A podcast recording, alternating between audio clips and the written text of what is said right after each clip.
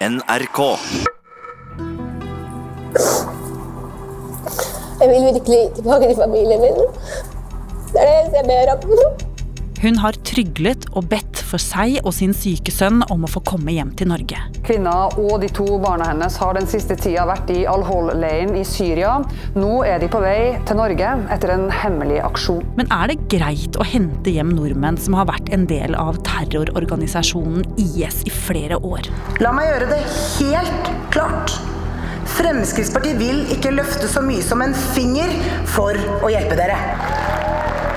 For IS-kvinnen har brukt sitt syke barn som pressmiddel for å komme seg hjem, mener Frp. Men å hjelpe hjem igjen en kvinne som skyver barna foran seg på denne måten, det ønsker vi ikke å være med på.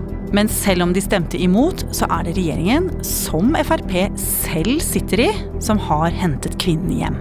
For Fremskrittspartiet så er dette et enormt nederlag som kan koste hele regjeringen livet i ytterste konsekvens. Og hvem er denne kvinnen? Støtter du IS? Aldri støtta IS, så kommer du til å gjøre det. Og kan vi stole på henne?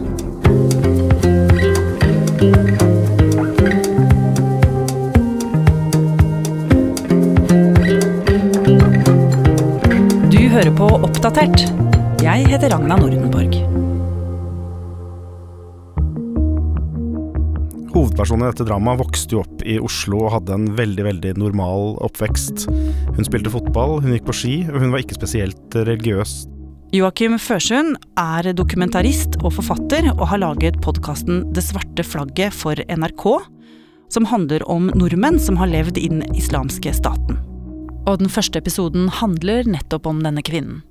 Vi snakker om en ung norsk eh, kvinne som var uh, i begynnelsen av 20-åra da hun dro til Syria. Hun bodde fortsatt hjemme hos foreldrene sine. Hun sov i Manchester United-sengetøy og var veldig normal. Men hun var også i en skvis mellom et ganske sånn tradisjonsbundet pakistansk miljø og et fritt Oslo. Og det gjorde at hun i begynnelsen av 20-åra gikk i et slags opprør mot foreldrene sine. Og hva gikk det ut på, det opprøret?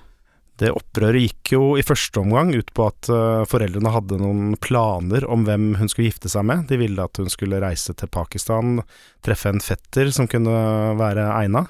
Uh, de ville også at hun skulle um, ta høyere utdanning, osv., osv. Uh, og dette var et slags regime som Sara, som hun kaller seg, ikke ville være med på.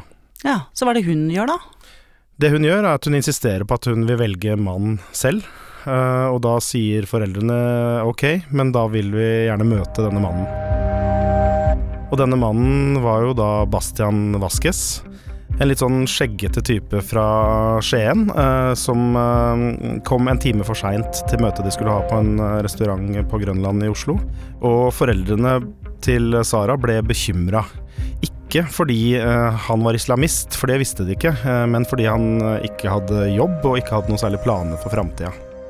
Hvordan reagerer foreldrene på hennes utkårede? De, de er skeptiske, og de er høylytt skeptiske. Og i ettertid så har faren til Sara sagt at han tror at han på det møtet pressa dem ut av landet. Egentlig uten at foreldrene visste det, så hadde Sara på dette tidspunktet begynt å omgås en del radikale muslimer, og i dette miljøet så var det mange som planla å reise til Syria. Ikke for å slutte seg til IS eller noen andre radikale grupperinger først og fremst, men for å være med i krigen mot uh, despoten Assad. The rebel Free Syrian Army says it's going to take over here. Government troops are determined to drive these fighters out, and the resulting extreme det som er litt viktig å huske, det er at uh, Bashar al-Assad han var en uh, despot og, og, en diktator, og alle var enige om at han burde styrtes. Så det var ikke så kontroversielt at det dro nordmenn til Syria den gangen. Unge norske muslimer deltar akkurat nå i væpnet krigføring i Syria. Det avslørte Dagsrevyen denne uka. Myndighetene sier det er snakk om minst 20 nordmenn, men at det kan være mange flere. Bastian reiser til Syria i 2012, slutten av 2012, og Sara reiser et halvt år etterpå for å besøke kjæresten sin, rett og slett. Hun møter Bastian på grensa mellom Tyrkia og Syria. Hun sier sjøl at hun dro dit for å besøke han for å være i Tyrkia i et par uker og reise tilbake igjen, men hun ble da med Bastian Vaskes inn i Syria. Så denne norske jenta i starten av 20-åra fra Groruddalen, hun befinner seg nå i Syria, som er et land i full krig. Ja, og foreldrene er selvfølgelig livredde. Faren reiser etter henne ganske raskt. Kommer seg inn i Syria, men skjønner umiddelbart at eh, det er vanskelig å få dattera hjem. Og det er rett og slett fordi Bastian Vasques ikke vil at hun skal hjem. Eh, så tar det ganske kort tid før eh, IS oppretter dette kalifatet, denne prestestaten, og Bastian får en sentral posisjon i den staten. Og hva gjør Sara? Sara hun blir gravid. Hun får en sønn som da er dette syke barnet som omtales i media. Uh, og hun er hjemme med denne sønnen. Ja, veit vi det? Nei, vi veit ikke det, men vi veit at eh, kvinnens rolle i kalifatet, i IS, er å passe barn og hjem. Men så dør mannen hennes. Hva er det som skjer med Sara da? Da kontakter Sara en advokat i Norge. Hun får kontakt med norske utenriksmyndigheter i Tyrkia, og hun prøver å komme seg hjem. De norske utenriksmyndighetene sier at uh, vi skal hjelpe deg, men vi kan ikke hjelpe deg ut av Syria. Vi kan møte deg på grensa, uh, men uh, ut av Syria må du komme deg på egen hånd. Og hva betyr det for henne? Det betyr at enten så må hun legge ut på en livsfarlig reise, fordi kvinner kunne ikke reise av gårde med barna sine på den måten. eller så må hun bli der. Og det som skjedde, var at hun ble der. Hun gifta seg med en uh, ny mann, uh, en mann som angivelig har sagt at uh, han skulle hjelpe henne til grensa. Og hun får et barn til med denne mannen, men så dør han òg. Ja, og han dør under en av de store offensivene mot IS, for IS er ordentlig på defensiven. De drives fra skanse til skanse i Syria.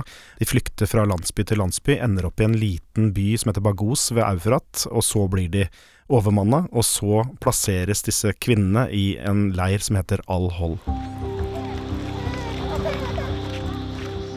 Jeg dro til eh, Al-Hol-leiren i mars i fjor. Og årsaken til det var at jeg prøvde å finne denne 29 år gamle IS-kvinnen. Kristine Svendsen er journalist i nyhetsavdelingen i NRK. Al-Hol-leiren er en flyktningleir som egentlig hadde en kapasitet på 10 000 personer, men da vi kom til leiren, så var det rundt 70 000 personer der. Så det var utrolig mange folk, eh, sortkledde IS-kvinner og veldig mange barn. De aller fleste som kom, var kvinner og barn. Og da vi gikk rundt i det som heter mottakssenteret for å lete etter norske IS-kvinner, så måtte vi passe på hvor vi satte fotene våre, fordi at det lå spedbarn og barn overalt. Og hvordan fant dere henne i dette kaoset? Den første gangen vi var i leiren, så fant vi henne ikke. Men eh, vi fikk komme tilbake et par dager seinere, og da gikk vi mot det området der de utenlandske IS-kvinnene blir eh, holdt. Og da vi kom til et gjerde, så var en av de aller første kvinnene vi møtte, det var denne 29-åringen. Vi spurte eh, Are there any Norwegians here? Og så sa hun ja, jeg er norsk. Og så trodde hun først at vi var kommet for å hente henne, at vi var norske myndigheter. Men vi måtte si at vi er journalister som er kommet hit for å snakke med deg. Eh, hun ble, hun ble, hun ble skuffa, men samtidig så forsto hun at for sin egen del så var det viktig at hun fortalte hva hun hadde opplevd, og hva hun ønska for fremtiden sin. Jeg bare sier til dem jeg angrer på at jeg stolte på det mennesket jeg stolte på, og gjorde en feil. Jeg vil bare gjøre ting godt igjen. Så hvis det er mulig, så vær så snill, hjelp meg opp. Jeg vil bare gjøre barna mine fremtid litt bedre. Hvilken straff føler du sjøl at du fortjener for å ha vært med i IS? Jeg har allerede fått straffen nok. Seks år uten familie, men det er nok. Hvis du ikke får komme hjem, hvordan ser du på det da? Jeg vet ikke hva jeg skal si. Jeg vet ikke. Det vet jeg virkelig ikke. Så dere snakker med henne, og etter hvert så tar hun dere med til barna sine? Fortell om det.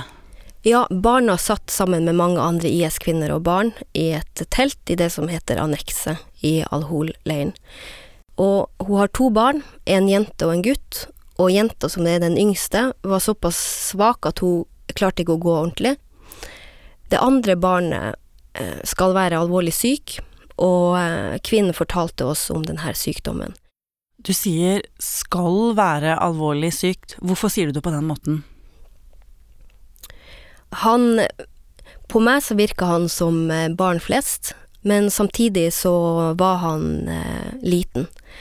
Han veier rundt tolv kilo ifølge helsejournalene hans, og det er det samme som en gjennomsnittlig norsk ettåring.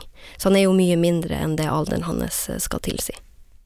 Men var det noen tegn til anger? Hun hadde jo reist ned og blitt en del av kalifatet, den islamske staten, og seinere da IS, en kjent terrororganisasjon.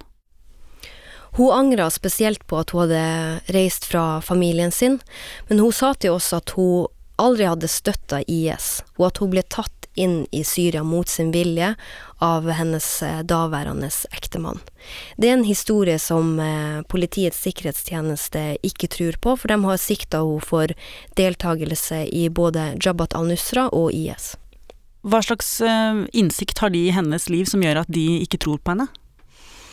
PST baserer seg jo på mange opplysninger. Vi kan tro at de f.eks. har innsikt i eh, SMS-er hun har sendt, eh, telefonsamtaler kan være mulige bevis, ting hun har skrevet til andre, og eh, ting hun har sagt.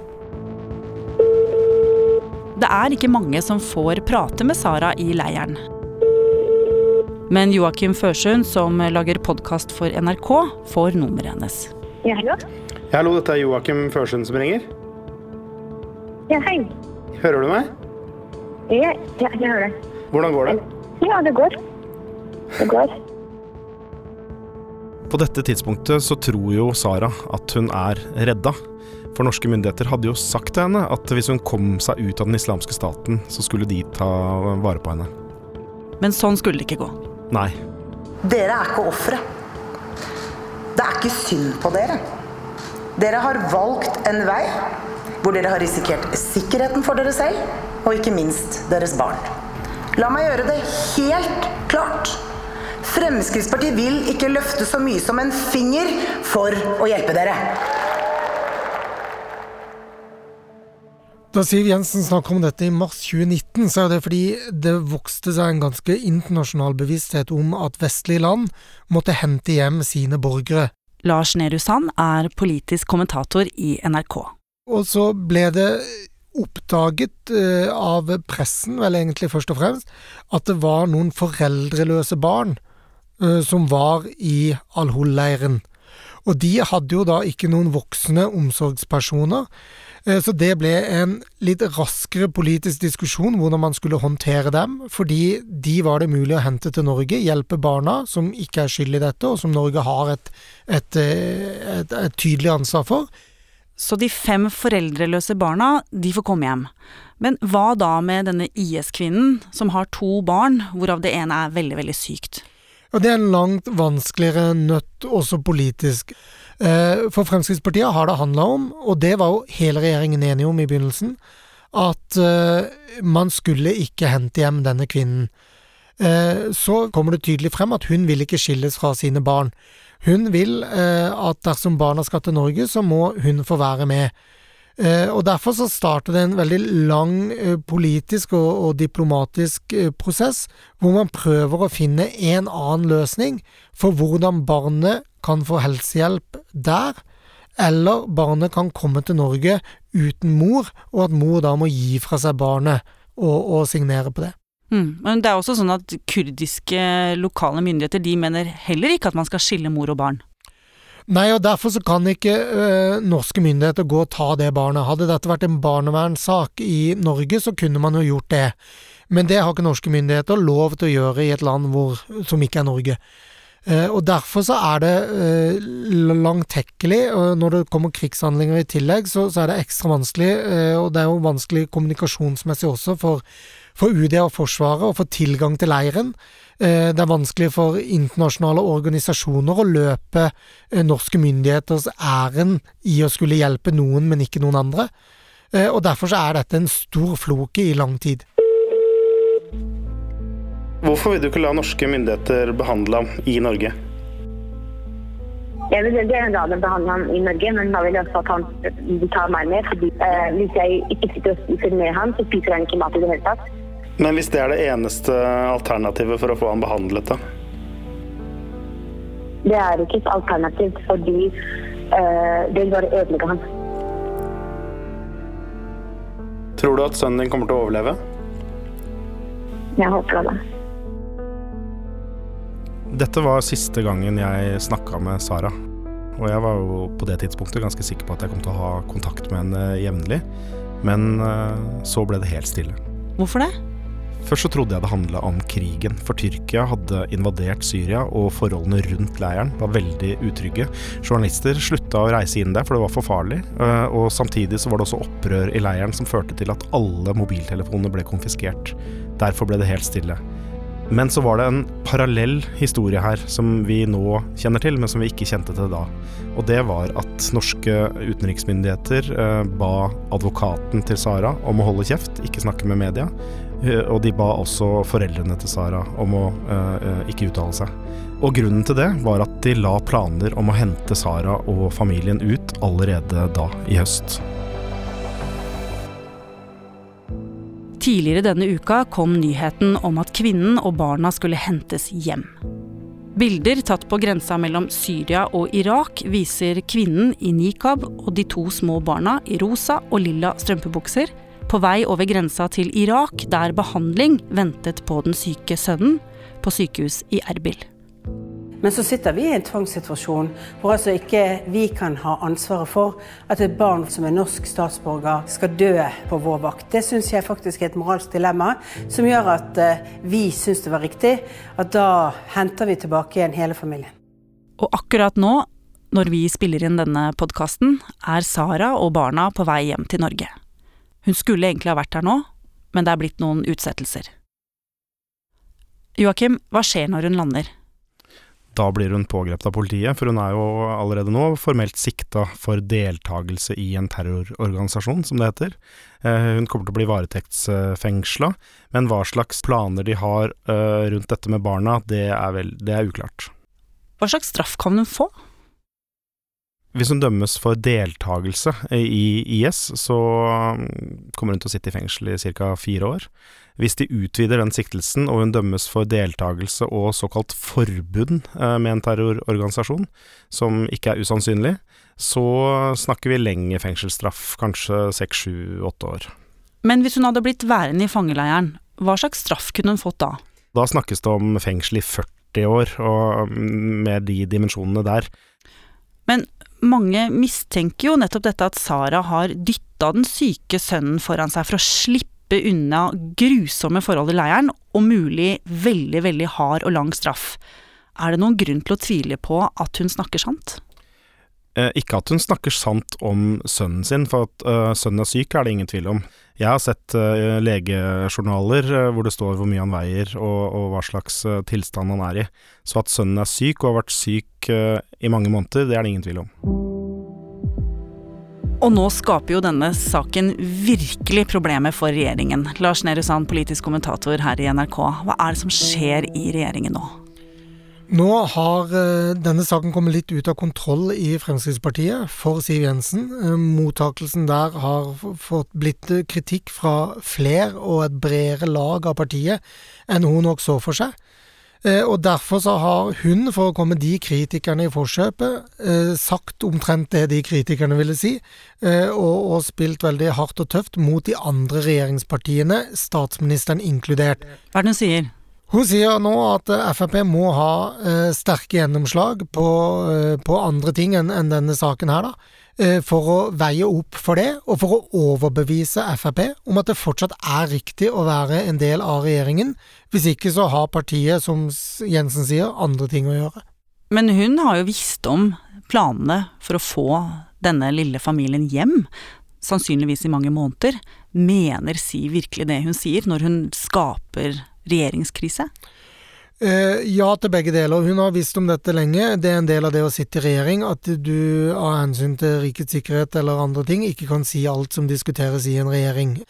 Eh, men det er også ja på at hun nå mener det hun sier, fordi hun ser at skal regjeringsprosjektet bære i hennes eget parti, så må hun ha noe mer å komme med etter at mottakelsen av denne nyheten har blitt så eh, konfliktfylt som den har blitt. Mm.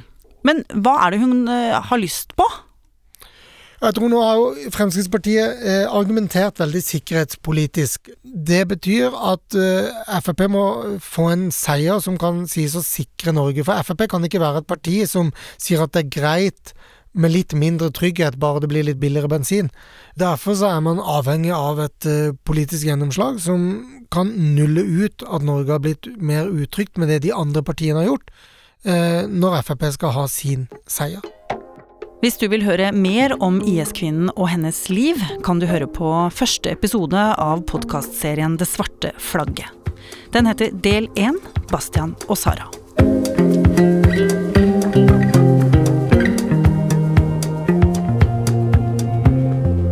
Oppdatert lages av Katrine Nybø, Jaran Ree Mikkelsen, Stian Kallekleiv, Natasha Arthur, Ida Tune Øretsland, Petter Sommer og meg, Ragna Nordenborg. Vil du kontakte oss, gjør det på oppdatert krøllalfa nrk.no.